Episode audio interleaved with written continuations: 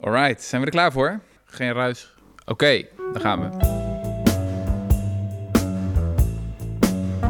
Dames en heren, trouwe luisteraars van de Rudy en Freddy Show. Uh, jullie horen weer die vertrouwde stem.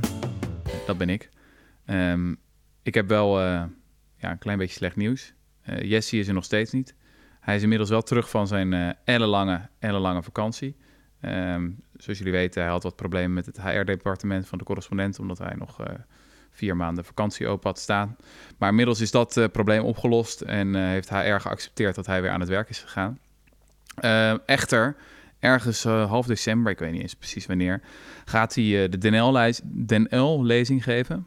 Nu hebben jullie daar vast nog nooit van gehoord. De DNL-lezing wordt normaliter gegeven door ja, een beetje Duitse bondskanselierachtige types.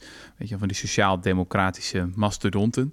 Maar zoals jullie weten, de PvdA is in totale crisis. En de crisis is zo diep dat ze zelfs Jesse Frederik hebben uitgenodigd om de DNL-lezing te komen geven. Nee, dat is natuurlijk fantastisch nieuws. Uh, maar dat betekent wel dat, dat Jesse tot over zijn oren uh, daar nu mee bezig is. Um, maar ik heb ook goed nieuws. En dat goede nieuws zit op dit moment voor mij. Ik zit vandaag trouwens in de huiskamer van uh, Romané, onze podcastmaker. ik zit een beetje op de, op de sofa en voor mij zit, zit Sanne Blauw.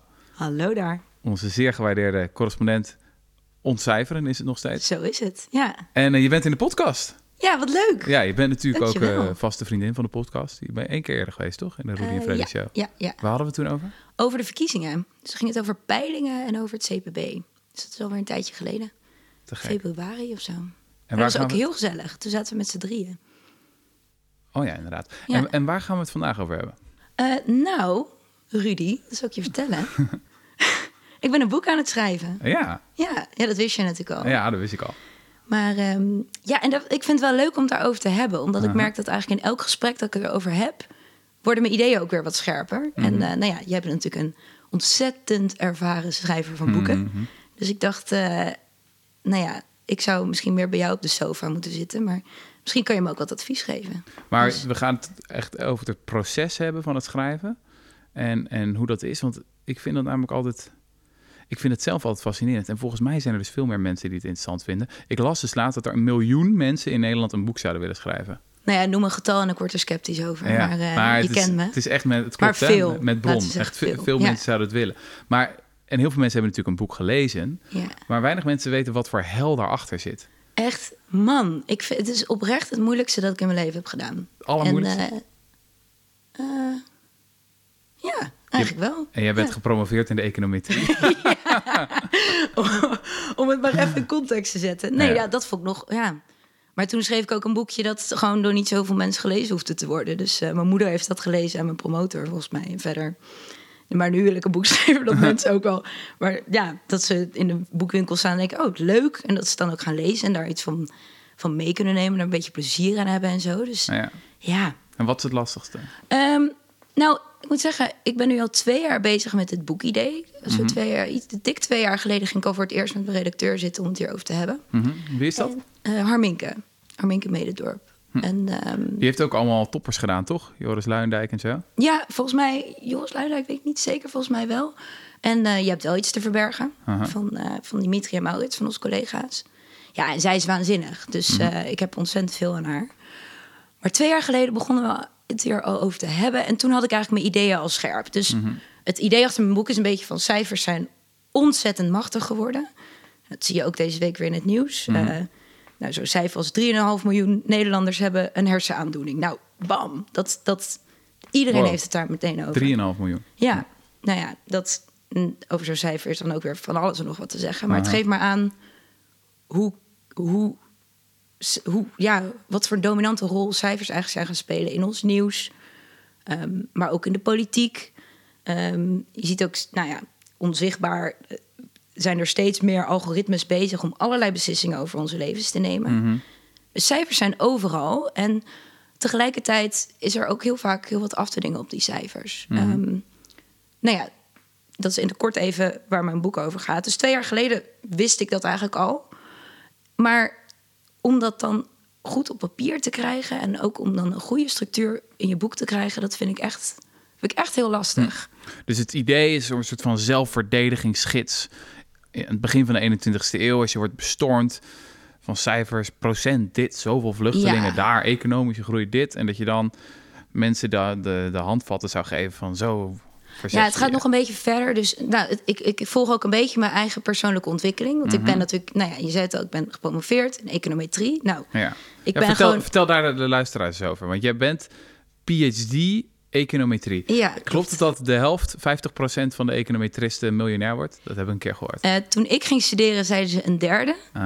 Ehm, maar die studie is echt onwijs aan het uitdijen, volgens mij, door, mede door dit feitje. Ja. Dus ik vraag me af hoe dat nu is. ik weet wel dat ik niet bij die derde hoor. Want ja, dan moet je niet bij de correspondent gaan werken. Het is een top, topbedrijf, maar je wordt geen miljonair van. Ehm, maar goed, ja, eh, heel veel komen terecht bij investment banks, bij consultants, nou, op de, bij dat soort plekken. Ah. Dus eh, ja, het is, het is arbeidsmarkttechnisch wel een, eh, een fijne studie. Dus je, zit, je Ehm. zat heel diep in de, in de modellen, in de Absoluut. ja, dus eigenlijk econometrie is de combinatie tussen economie en statistiek. ja. Ehm, dus wat ik heel erg heb geleerd is hoe je nou uit hele bergen cijfers, hoe je daar eigenlijk ja, pat- patronen in kunt herkennen. Dat is het Mhm. eigenlijk kort gezegd. Dus ik heb bijvoorbeeld onderzoek gedaan naar geluk. Geluk is steeds nou, een groter thema eigenlijk. Ook juist omdat mensen steeds meer denken van nou, we meten alles in geld, maar is dat nou wel alles? Moeten we niet ook geluk gaan meten? Ehm, nou ja, en ik heb dan zelf die data verzameld en die geanalyseerd. Dus dan kijk ik bijvoorbeeld nou, hoe hangt geluk af van hoe je je vergelijkt met je buren? Bijvoorbeeld, dat was een van mijn onderzoeksvragen. Tijdens je promotie. Tijdens mijn promotie, Ja. ja. Dus, eh dus Waar ging je dat doen trouwens? In Rotterdam. In Rotterdam Bij de ging je Erasmus mensen vragen, eh, hoe voelt u zich? Eh, nou, ik, heb men, nee, het- ik ben gepromoveerd in Rotterdam. En ik heb ook één onderzoek gedaan bij een studentenvereniging in Rotterdam. dat, eh, dat was wel heel grappig. En, zijn die een beetje gelukkig? Of, Mhm. Die eh, waren mega gelukkig, ja. En ik ging ook kijken of ze dan elkaar een beetje aanstaken met hun geluk. En eh, nou ja, mijn eerste bevindingen waren van wel. Ehm, maar goed, dat, dat staat natuurlijk allemaal in een veel groter onderzoeksveld. Waar Ja. ik nu verder niet over uit ga wijden. Maar, ehm, maar ik heb ook gereisd ervoor. Dus ik heb ook in, eh, in Bolivia heb ik heel veel data verzameld. Mhm. En eigenlijk juist omdat ik dat ging doen... en toen ik zelf die vragenlijsten moest gaan ontwerpen... en zelf bedenken hoe ik iets zou gaan meten... nou ja, ik kijk natuurlijk ook hoe andere mensen dat hebben gedaan... maar toch moet je heel veel beslis- beslissingen nemen. Toen begon ik dus voor het eerst een beetje te zien... van achter die cijfers en ook juist die cijfers die we in de, in de krant zien... daar zitten allerlei beslissingen achter. Er zitten mensen achter. Mensen zoals ik, onderzoekers, die dan moeten gaan bedenken wie je gaat ondervragen, wat je gaat vragen. Ehm, maar ook in mijn geval de mensen die je gaat ondervragen. Dus ja, de ene keer waren ze zagrijnig omdat het regende. Ehm, de andere keer dachten ze dat ik voor de overheid werkte. Nou, Ja. er zijn allerlei factoren die dus op invloed zijn hoe zo'n cijfer er uiteindelijk uitziet. ja, dat is fascinerend. Hè? En wat ik zo eng vind, en dat is volgens mij ook waarom vooral mijn boek ook nu echt wel heel urgent is, is dat al die algoritmes, die gaan er eigenlijk heel erg vanuit dat die cijfers dus soort waarheden bevatten. En waar we dan vervolgens beslissingen over mee kunnen nemen van hoe hoog jouw premie op je verzekering wordt, eh, of jij een baan krijgt, of de politie je op gaat pakken.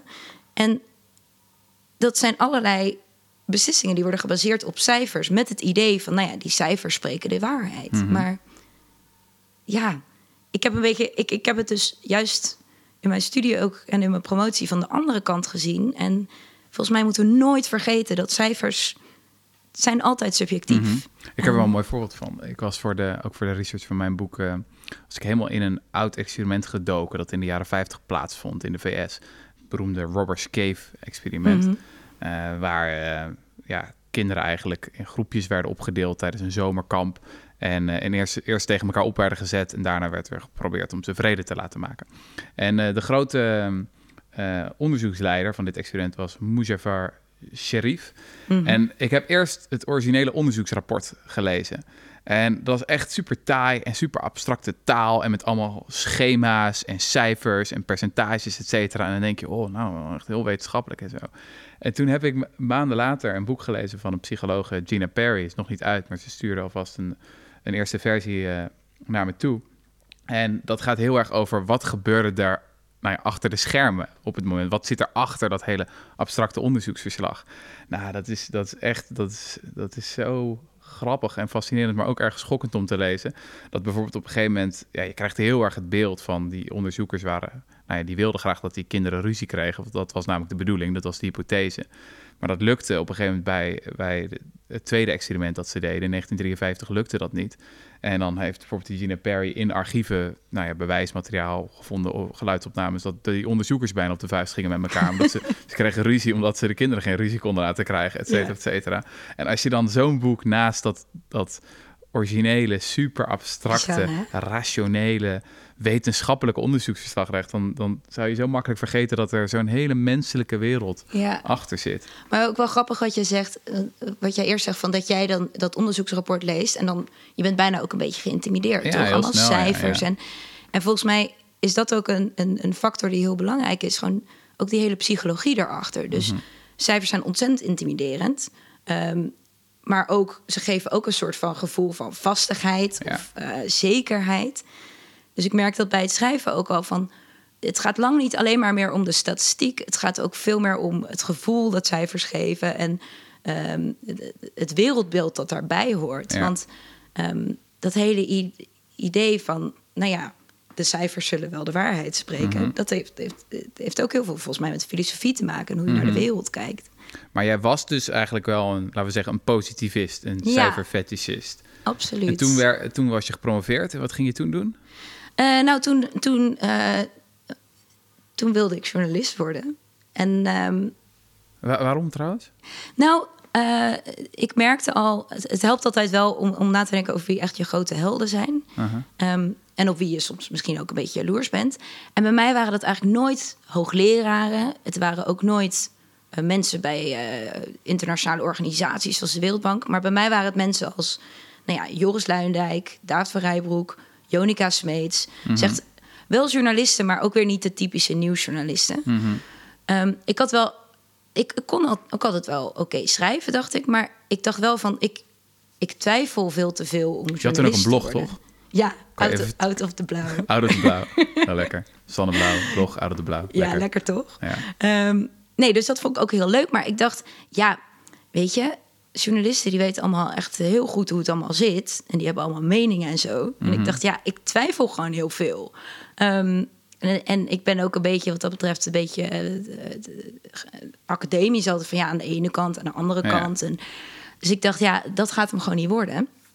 Maar toen schreef, grappig genoeg, uh, Rob, Rob Wijnberg, ons baas, uh, die schreef een hele toffe column over ode aan de twijfelaars. Oh, dat eigenlijk, nou ja, er best wat meer twijfel ook in, de in het medialandschap uh, zou mogen zijn. Dus toen dacht ik, nou... Dat ben ik. Dat ben ik. En daar wil ik werken. Uh -huh. En grappig genoeg is eigenlijk twijfel is altijd wel een soort van thema dat is, dat is gebleven. En dat komt nu volgens mij in mijn boek ook weer heel erg terug. Want waren we maar iets genuanceerder soms. En twijfelden we maar wat vaker. Want dat is volgens mij ook die hele aantrekkingskracht van cijfers. Dat ze geven zekerheid. Je hoeft niet meer te twijfelen. Het is duidelijk hoe de wereld in elkaar zit. Mm Um, dus juist eigenlijk die twijfel waardoor ik aanvankelijk dacht dat ik misschien geen journalist kon worden, wordt eigenlijk nu wil ik dat juist heel erg gaan aan, uitdragen dat we volgens mij best wat meer mogen twijfelen.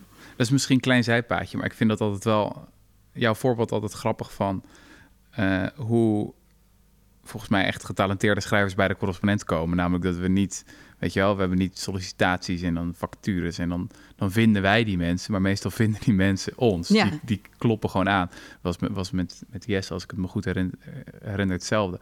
Dus veel mensen vragen mij vaak van, ja, hoe kan ik journalist worden? Hoe, uh, ja, als ik bij de correspondent willen werken, hoe kom ik daar? Uh, het is gewoon, ja, het antwoord is, ga lekker schrijven, ga aan de gang. Uh, hoe kwam jij bij de correspondent terecht dan? Rob vroeg mij toen toen die crowdfund was. Oh ja, toen zei hij van ja, we oh, hebben plannen om dat te gaan lanceren met die crowdfund. En ik weet nog, ik was daar heel sceptisch over. Ik dacht, dat wordt vast niks. Maar ik zei, ja, ik, uh, ik doe mee, maar ga eerst maar eens geld binnenhalen. En toen was het allemaal gelukt en zo. En toen was zo van, ja, zie je, het is gelukt. Zeg ik, oké, ik doe mee. maar ik werkte in de tijd nog bij de, bij de Volkskrant. Oh ja, Dus, ja. Uh, ja, dus zo ging mij, het toen. Voor mij was het echt... Uh, ja, een paar maanden voordat ik promoveerde, dacht ik, ik ga dit gewoon proberen. Ja. Ik, ik, ik gaf mezelf een jaar. Ik dacht, ga het een jaar proberen. Ik had veel geld gespaard. En dan na het jaar heb ik een soort evaluatiemomentje met mezelf. Van, nou ja, als dit hem niet wordt, dan maar wat anders of zo. Dan ga ik toch nog bij een investmentbank werken. ik denk dat ik daar echt dood, dood ongelukkig was geworden. Maar uh, ja, en toen, kon ik, toen ben ik stage gaan lopen bij Maite. dat later ook, uh, waar ik later ook heel veel artikelen mee heb Vermeulen, ja. Ja, Maite Vermeulen. Conflict en ontwikkeling. Ja, waar ik ook uiteindelijk heel veel artikelen mee heb geschreven. Mhm.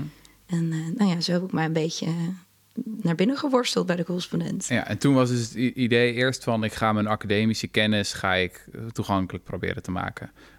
Toen was je nog steeds een cijferpositivist? Of, of al nou, ik zat laatst uh, mijn proefschrift een beetje terug te lezen. Mhm. En daar zitten ook altijd stellingen bij.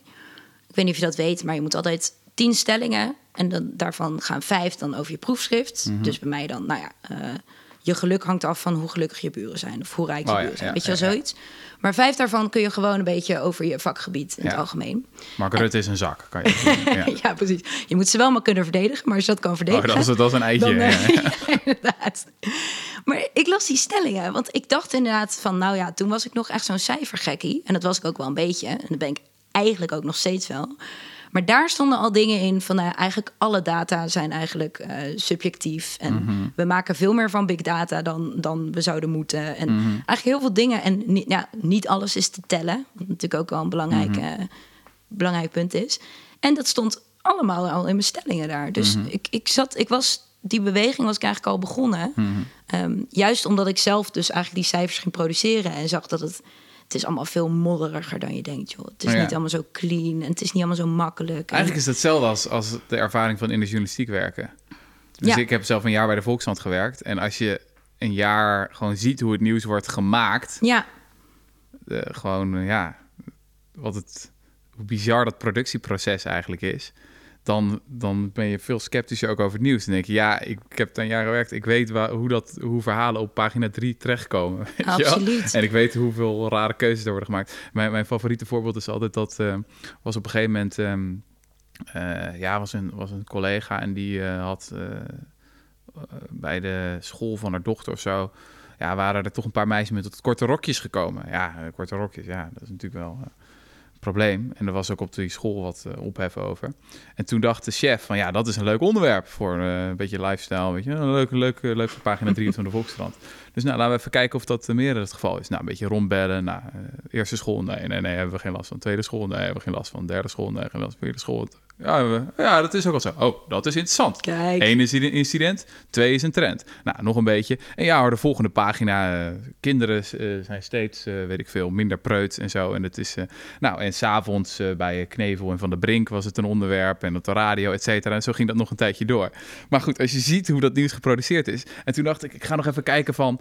Hebben we kort geleden ook nog het tegenovergestelde gehad? Van, namelijk dat kinderen te preut zouden zijn. En ja hoor, dat was twee jaar geleden Ja. dan op een vergelijkbare manier in het nieuws gekomen. Dus het is gewoon heel, heel bizar om te zien van hoe, als je van dichtbij ziet hoe dat nieuws dan gemaakt wordt en vervolgens in een nieuwscyclus terechtkomt. Ja. En dan eerst een krant, dan gaan de radio en dan, oh, dat is een talkshow-itempje, want ze lezen allemaal elkaar. Het is volkomen circulair. Ja. Ja, ik was ook. eh, ik heb ook nu voor mijn boek ook Joris Luindijk nog eens herlezen. Weet je, het zijn net mensen. Ook omdat hij.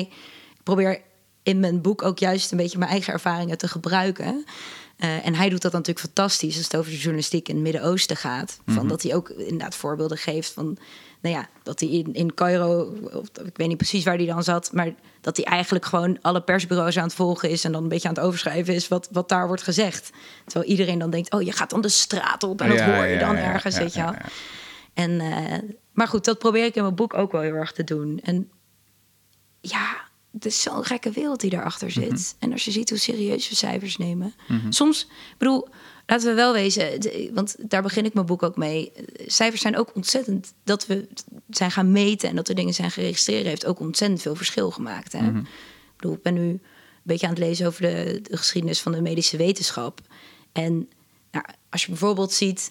nou, ik was toevallig deze week eh, een, een autobiografie van Archie Cochran aan het lezen. Nou, dat is echt een baas. Ik vond het echt fantastisch om te lezen. Het is een beetje de, de vader van de expe- experimenten in de medische wetenschap. Dus, nou ja, wij vinden het nu heel normaal dat als er een medicijn op de markt komt, dat dat ooit is getest met een controlegroep en met een andere groep, zodat je weet of het wel werkt. Want ja, als je dat zomaar te pas en te onpas aan patiënten gaat uitdelen, dan weet je helemaal niet als ze beter worden of dat door het medicijn komt. Of nou ja, je wil weten of zo'n medicijn werkt.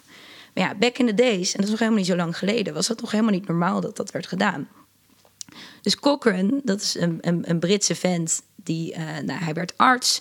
En uiteindelijk kwam hij in een prisoner of war camp terecht in, uh, in een Duits kamp. Dus in de Tweede Wereldoorlog. Krijgsgevangenen, ja. Ja, krijgsgevangenen. Sorry, dat is het woord. En, um, nou ja, en hij had daar uh, gewoon mannen rondlopen die allemaal dezelfde ziekte kregen. Ze kregen volgens mij oedeem. Uh, mm -hmm. Dus nou, hij had zelf dan ook heel erg last van opgezette knieën en zo. En hij ging daar gewoon een beetje zijn eigen experimentjes runnen. Dus hij dacht, nou, in de ene zaal geef ik wel, uh, hoe noem je dat, uh, vezels. En in de andere zaal doe ik dat niet. Mm -hmm. Nou, en in no time zag hij dat mensen gewoon veel sneller beter werden. En toen ging hij naar de Duitse kampwachten toe. En zei van, kijk nou, we moeten meer vezels hebben om aan die patiënten te geven. Nou ja. En hij dacht, dat, is natuurlijk, dat, gaat, dat gaat hem nooit worden. Mhm. Maar uiteindelijk, de volgende dag, hadden die Duitsers op een of andere manier een hele zak vezels voor hem geregeld. En kon hij zo Mhm. eigenlijk het hele kamp bijna beter maken. Mhm. Maar goed, in zijn eigen woorden was dat zijn eerste, maar ook- zijn slechtste experiment ooit. Want wetenschappelijk gezien is het nieuw- niet heel netjes opgezet. Nee. Maar eigenlijk in zijn hele leven is hij echt gaan strijden om, eh, om geneeskunde eigenlijk veel meer, dat wordt een evidence-based te maken.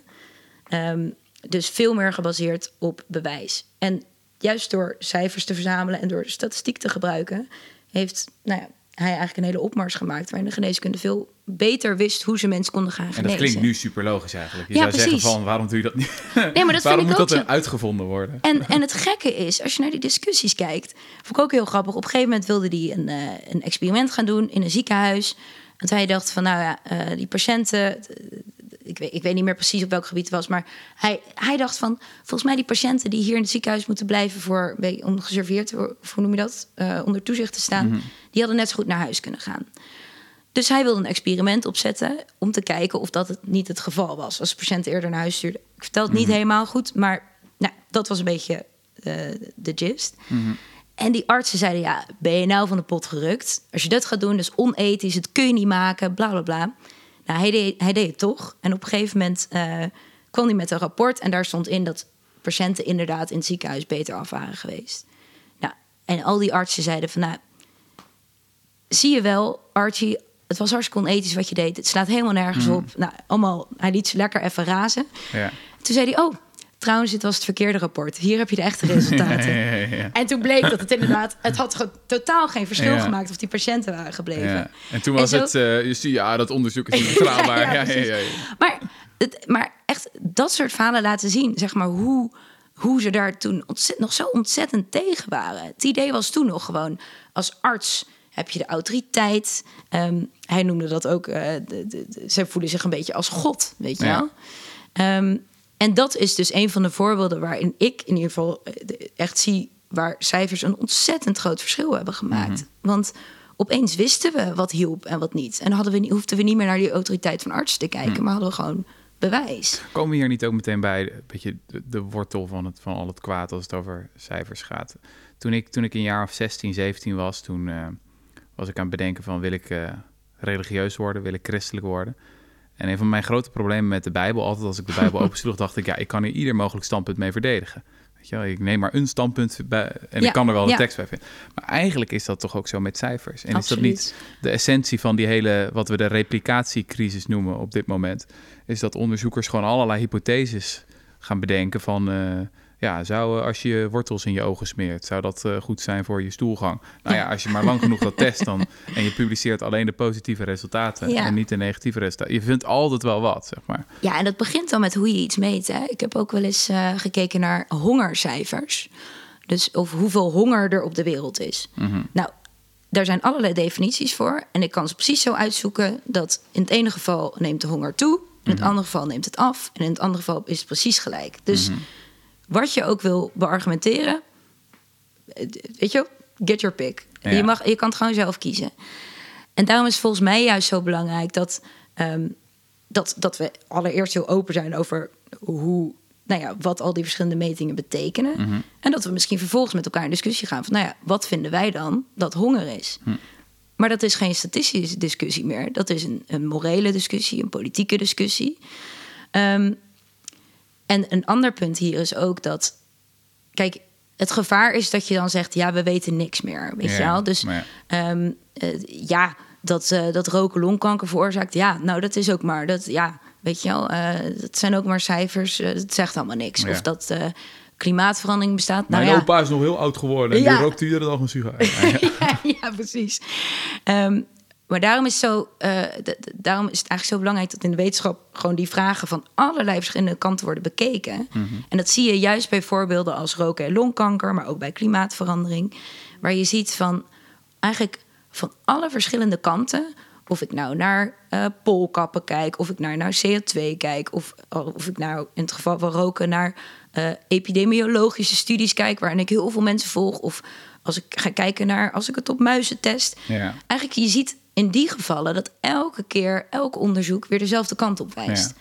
Ja, en als je dan één zo'n studie eruit haalt en die blijkt totaal flut te zijn, dan, dan blijven die andere uh, conclusies, de, de grote conclusie, klimaatverandering bestaat of roken veroorzaakt longkanker, die blijven dan gewoon staan. Ja, precies. Ja. En dat is volgens mij, en, en dat is een probleem van de wetenschap, maar dat is ook een probleem van de media waarin we heel graag inderdaad één studie pakken en daar meteen op willen duiken. Dus nou ja, je kent ze wel. Uh, van rode wijn uh, word je ziek, van rode wijn word je juist niet ziek.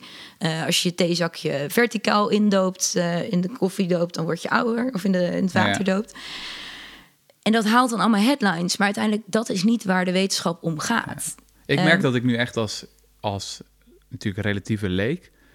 dus ik ben geen sociaal psycholoog... Um, dat nu gewoon mijn neiging is om maar gewoon niks meer te doen met Ja. het hele vakgebied. Ja, Uh, terwijl, weet je, mijn boek gaat over de menselijke natuur, over zijn mensen in wezen goed of slecht. Dus dan zou je zeggen, de sociale psychologie is een hele belangrijke bron. ja. Maar ik vind het risico gewoon te groot dat ik onderzoeksmateriaal gebruik, waarvan nou ja, drie jaar nadat het, dat het boek uit is, dat het alweer gedebunked is. Ja, ja, nee, zeker. En daarom, eh, de- en ik, ik heb hetzelfde. ehm, maar daarom is juist belangrijk van als je, een, eh, als je een bepaalde bevinding wil gebruiken, om dan te kijken van nou, zijn daar meer studies naar gedaan? Eh, is dit gerepliceerd? Ja. Is hier een grote eh, overzichtsstudie van? Ja, maar zelfs dat, hè? niet? Bijvoorbeeld, Ja. eh, ik lu- luisterde laatst een podcast. wat was het ook weer? Radiolab had een, had een laatst een aflevering over het stereotype Oh, threat. ja. Ja, Nou, dat is een heel bekend fenomeen in de sociale psychologie. Zijn honderden studies naar gedaan. Wat is het ook Eh, weer? Kun je even uitleggen? Wat het Ja, wat is het? Het is dat als mensen het gevoel hebben dat je bijvoorbeeld, als je zegt van, eh, laten we zeggen, vrouwen zijn slecht in wiskunde. Ja. En, ehm, en ze gaan vervolgens een toets maken, dat, dat, dat het ook effect heeft op hun resultaten. Ja. Terwijl als je van tevoren zegt, nou ja, eh, we weten allemaal, vrouwen zijn slecht in wiskunde, maar we hebben voor deze specifieke test gekeken en daar blijkt helemaal geen verschil te zijn, dat dan het ook het effect Ja. er niet meer is. Dus dat zeg maar de stereotypes die de maatschappij aan je opdringt en die je soms ook zelf in, internaliseert, dat die daadwerkelijk een, een effect hebben op je prestaties. En nou, dat werd dus, werd dus ontdekt en er zijn heel veel studies gedaan, bleek elke keer klopt, et cetera, tot het op een gegeven moment eh, een paar keer niet ge- eh, gerepliceerd werd. En toen mensen het gevoel krijgen van, oh wacht, misschien hebben we een hele tijd gewoon de hele tijd alleen de studies gepubliceerd Ja. waar we een effect konden vinden. Ja. Nou, en dan krijg je dus dat allemaal, eh, dat is nu in de sociale psychologie aan de gang, allemaal jonge PhD's die eh, al die replicaties gaan doen. Ja. En het ene na het andere effect gaat neer. Er is een hele oorlog in, die, in, die, in, die, in dat vakgebied maar aan de hele gang. reputaties gaan ten onder. Ja. Hele, ja, het is echt. Maar dit is in de geneeskunde ook, hè? Sommige, er worden heel, best veel trials gedaan die gewoon nooit worden gepubliceerd. Oh, ja. En daar vind ik, dat vind ik bijna nog erger. Want dit, sociaal psychologie is ook een heel belangrijk eh, vakgebied. Maar op het moment dat medicijnen niet blijken te werken of, of anders dan je zou willen en dat belandt gewoon in een la, dat Ja. kan gewoon levens kosten. Ja. En ja, nou dat vind ik gewoon schokkend. Maar het- gelukkig wordt hier nu ook heel veel over geschreven. En heb je het ook wel binnen de wetenschap het idee dat dat, dat wel aan het veranderen Ik denk is. dat er nog een enorme weg te gaan is. Oh, absoluut. Ik heb eh, het recente boek, eh, tot- tenminste dat komt uit in januari, is een boek van Johan Hari, Britse auteur, ik een tijdje geleden vrienden mee ben geworden. En dat gaat over depressie. En daar interviewt hij bijvoorbeeld ook die, eh, die Griek, eh, hoe heet die? Ionadis. Ionadis. Zoiets, ja. In ieder geval de, de, de mufti in het debunken van Ja. andermans onderzoek. Ja, Die een keer de legendarische, het paper met de legendarische titel heeft gepubliceerd. Why most published research findings are false. Zoiets. In ieder geval, hij interviewt ook die Ionadis en dat gaat dan over onderzoek naar antidepressiva. Nou, ik, ik vond het echt heel schokkend om te lezen. Want we hebben het over een gigantische industrie. Hè? Want het is in Nederland slikken een miljoen mensen het. En er zijn echt hele goede redenen om serieus te twijfelen aan de effectiviteit van dit spul. Voor de overgrote meerderheid van de de mensen die het slikken. En dan hebben we het ook nog over gewoon medicijnen met bijwerkingen en alles. Dus het, ja, jij hebt helemaal gelijk, weet je. Het gaat, sociaal psychologie gaat het over één grappig effectje of zo wat te vinden. Uh, maar in die andere wetenschappen gaat het echt over grote zaken. Maar het is zo grappig, want ik was deze week... Um, nou, dit is trouwens niet grappig. Maar mm. ik, ik was deze week een debunking handbook aan het lezen. Ja. Um, was echt... Dat klinkt heel indrukwekkend, maar het was echt vijf pagina's. Dus ik kan, ik kan het echt iedereen aanraden, want het was echt heel, heel interessant.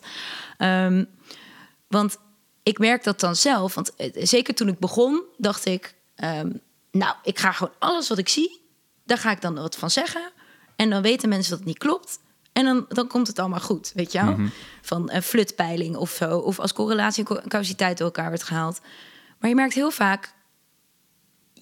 Heel vaak werkt dat dus niet. Dus mhm. mensen lezen misschien wel fact-check, maar... Het, het, het, vaak het aanvankelijke feitje blijft hangen. Mhm. Eh, en je kan het nog zoveel die banken als je wil, maar het blijft gewoon doorgaan. En dat kan dus ook met medicijnen gebeuren of met bepaalde wetenschappelijke bevindingen die al lang niet meer. Weet je, neem de power pose. Daar hebben jullie volgens mij het ook over gehad hier op de podcast. Hoe krachtpose. Nou, dan zou je dan, uh, weet ik veel, minder stresshormoon of wat was het nou? Ja. Nou, nou je gaat staan als Superman voordat je een praatje moet geven. En dan ben je minder zenuwachtig en Precies. ga je een supergoeie ja, en dat er gebeurde ook nog allemaal dingen in je hormoonhuishouding, volgens mij. Nou, dat is ondertussen wel echt heel goed gedebunked. Het is niet gerepliceerd, er is veel over geschreven. Maar dat blijft maar opduiken.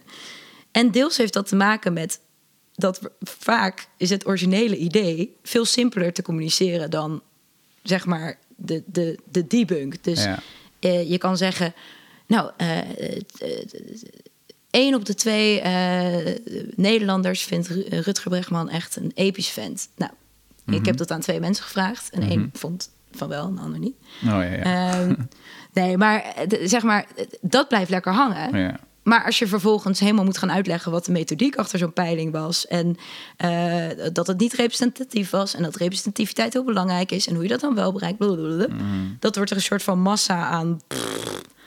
Ja, precies. En daar hebben gewoon heel veel mensen geen zin om naar te luisteren. Ja. Plus, als het goed past bij je wereldbeeld... en mijn wereldbeeld is dat nou, Rudy wel een epische vent is... dan schuif ik dat lekker in mijn hoofd bij de feitjes... die horen bij wat ik, wat ik toch al geloofde. Ja, ja dus, en uiteindelijk zijn we gewoon wezens die ons wereldbeeld baseren op autoriteit. Ja. Je, we hebben geen tijd om zelf van alles uit te zoeken. Ja. We nemen op een gegeven moment gewoon aan van, nou, uh, Sunny die, die, die zoekt dingen wel uit. Dus dan zeg jij iets tegen mij en dan, weet je, hoeveel dingen beweer je niet op feestjes waar je eigenlijk niks van weet. Maar dat je gewoon het gehoord hebt ergens en ja, dat zal wel zo zijn, want diegene heeft autoriteit. Ja, ja. Eigenlijk hangt onze wereld, onze wereld daarvan aan elkaar. Volgens mij is een beetje alles wat we geloven hebben we niet zelf uitgezocht. Ja. Dat hebben we gewoon aangenomen van iemand. Nee, absoluut. Ik had laatst ook een vette podcast geluisterd van This American Life. Mm en dat ging ook hierover. Dat was een, een scheikundige. En uh, nou, die had ook een PhD in schei, scheikunde gedaan. En die zat op een gegeven moment in een lezing van een Nobelprijswinnaar. En die zei zo van, uh, nou, wie hier gelooft dat de zon om de aarde draait? Nou ja, niemands hand omhoog, weet je wel. Mm Oké, wie gelooft er dan dat de aarde om de zon draait? Nou, iedereen hand omhoog. En wie weet hoe je dat kunt bewijzen? ja, nou, ja, ja, ja. En nou ja, zij, zij, dit, zij werkte nu intussen dus op de redactie van This American Life. En zij zei ja. En toen ging ik eens nadenken inderdaad van hoeveel dingen ja. heb je geen idee, weet je wel? Ik kan me voorstellen dat als je kinderen krijgt, dat je daar het mee geconfronteerd ja. wordt. Dat kinderen die dingen vragen, dat je ja, weet ik niet, weet ik niet, weet ik niet. Oh, Zoek maar op. ja, maar ook, ook omdat je dan opeens een verantwoordelijkheid hebt. Ik weet, uh, Jonathan Safran Foer heeft een heel goed boek geschreven, Eating Animals. Nou, daardoor ben ik gestopt met vlees eten. En dan zegt hij ook, ik, ik kreeg een kind. En toen dacht ik, ja, wat, wat, wat geef ik mijn kind eigenlijk voor eten? En toen mhm. ging hij dat helemaal uitzoeken. Nou, toen viel echt de schellen van zijn ogen. Ja. Dus ook in dat opzicht verandert volgens mij als je kinderen krijgt... dat je opeens denkt, jeetje, eh, misschien kan ik wel helemaal niet alles vertrouwen. Want wat uh, ja. zie, je, nou ja, zie je nu ook met de hele vaccinatie-discussie. Uh, kan je je kind wel zomaar een vaccinatie geven? Ja, nou ja, zou ik toch wel doen? Zou ik zeker doen. Zou ik zeker doen. Ehm, maar daar, ook, ook, daar zie je, dat wordt dan constant gedebunked. Er wordt uitgelegd waarom je dat wel moet doen. Maar toch ook heel vaak... Aan de ene kant zijn cijfers en wetenschap heel machtig. En aan de andere kant, in dat soort situaties... sta je totaal eh, met lege handen als Ja, dus als ik, als ik het goed begrijp, in je boek zit je, probeer je steeds een lijn te bewandelen tussen... kijk, cijfers zijn prachtig, ze hebben ons dit gebracht en... en immense vooruitgang. En kijk maar, vaccins werken, want het, eh, weet je, het aantal Mhm. mensen dat dood is gegaan is zo omlaag gegaan.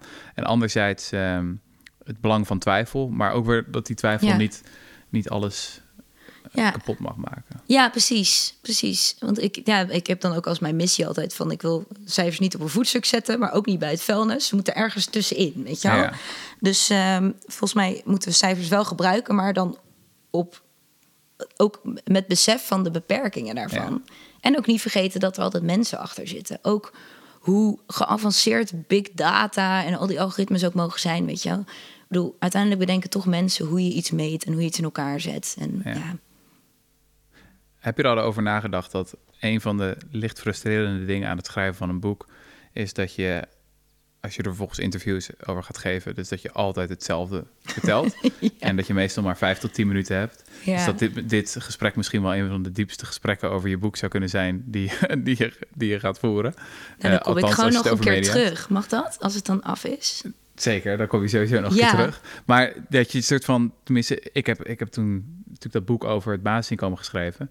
En je moet elke keer weer teruggaan van, oh ja, dat Canadese experiment. Ja, Ja. gaan we nog een keer uitleggen. Ja, nee, dat werkte toen heel goed hoor. Ja. En eh, ja, wist je dat eh, als vuilnismannen gaan staken? Ja, dat is eh, echt een ramp. Maar als bankiers gaan staken. Maar je bent soort van gedwongen om elke keer terug te gaan. Heb je al een idee wat die, wat die pitch wordt die je, die je de twee jaar daarna elke keer gaat herhalen? Nou, de grap is dus dat ehm, eh, nog niet helemaal. Ook omdat ik weet wat het beste werkt, is gewoon een hele bam, zo'n knalboodschap. Ja. Maar tegelijkertijd is het hele idee van mijn boek, eh, het is een genuanceerd verhaal over dat we meer nuance nodig Ja. hebben.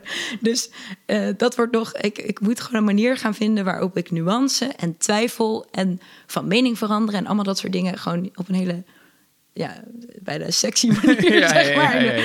ja. Dus dat, dat wordt wel een uitdaging. Maar goed, ik moet gewoon goede voorbeelden vinden. En ik kom echt in mijn research echt de ene na de andere fascinerende persoon tegen. Dus dat, dat komt wel goed. Hm. Ehm, maar goed, mijn elevator pitch, dat, eh daar Ja, ga en je kan natuurlijk met jouw bril gewoon naar iedere week kan je naar het nieuws kijken en dan zie je al dingen. Ja, zeker. Ook deze week weer, weet je. Nou ja, we zagen dus, wat ik al zei... die 3,5 miljoen eh, mensen die dan hersenaandoening zouden hebben. Vandaag, nou, we spreken nu vrijdag. Wat is het? Eh 1, 2 december? 1 december. Ehm, vandaag was ook weer het nieuws van dat boeren dan... eh, die, zouden, die krijgen dan Europese subsidie naar hoe groot hun land is. Oh ja. Nou, vervolgens gingen ze natuurlijk automatisch lekker de berm erbij nemen... Ja. zodat ze meer hectare hadden. Nou, dat vind ik weer ten voeten uit. Een prachtig voorbeeld waarvan je denkt... oh ja, Daar is toch je een naam voor? Goodhart's Law heet Oh, dat. ja. Dus Goodhart's Law is van... als je op een bepaald cijfer of een bepaalde maatstaf gaat sturen... dan is dan meteen geen goede maatstaf meer. Want mensen zijn altijd creatief met... nou ja, ja, als je geld kan verdienen aan meer hectare... dan ga je wel op een of andere manier hectare erbij smokkelen, weet je wel. Nou ja. Dus eigenlijk elke week zijn er wel dingen in het nieuws... eh, waar, ja, waar ik op kan aanhaken. En volgens mij is eh, met dit boek ook juist die algoritmes... ehm, die er waanzinnig in, indrukwekkend uitzien... maar die echt hele grote gevolgen hebben voor ons leven. Volgens mij wordt dat, wordt dat de grote haak waaraan ik dit boek ga ophangen. Ja, Alright. Ja, Tot slot. Ja. Ehm, heb je nog tips aan de luisteraars van de Rudy en Freddy Show? Eh, ja, een miljoen Nederlanders eh, willen een boek schrijven. Die zijn ongetwijfeld eh, veel van, van onze luisteraars ook. Heb, heb je tips hoe, hoe, zo, hoe je zoiets opzet? En de tweede vraag is, wanneer kunnen we je boek gaan lezen? Nou die laatste vraag, dat, dat wordt nog even spannend. Er staat wel een datum, maar nou ja, Dat is een... Dat- die ik nog ja, ja, ik durf niks te beloven, maar ik ben heel hard bezig. Ja. Ehm, nou ja, waar ik, waar, waar ik veel aan heb gehad, ehm, is eh, het boek Big Magic van Mhm. Elizabeth Gilbert. Die ken je misschien wel van Eat, Pray, Love Oh ja, bijvoorbeeld. ja. Zo'n slechte film vond ik dat. Die heb ik niet eens afgekeken. Ja, ik, vind, ik ben heel erg fan van Julia Roberts en ik, ik hou gewoon heel erg van cheesy dingen. Ik ben ook echt ja, ik heel hou erg enorm van cheesy dingen. High Ja? School Musical 3, joh. Dat is echt eh 1, 2, Ben jij- 3. Kijk oh ze allemaal. Ja, musicals. fantastisch. Ja, dit kan er wel uitgeknipt worden ook trouwens, maar, maar even tussendoor. Nee, joh, man. echt Hugh Grant. Fantastisch. Dus Ja. echt een eh, hele... Nee, maar, ehm, de- maar goed, even terug naar... Ja, ja, ja. Die heeft een, die heeft een boek die heeft geschreven Big Magic geschreven. over hoe je een boek moet schrijven. Eh, ja, maar dat gaat vooral. eh, de ondertitel is Creative Living Beyond Fear. Dus gewoon creatief leven voorbij de angst.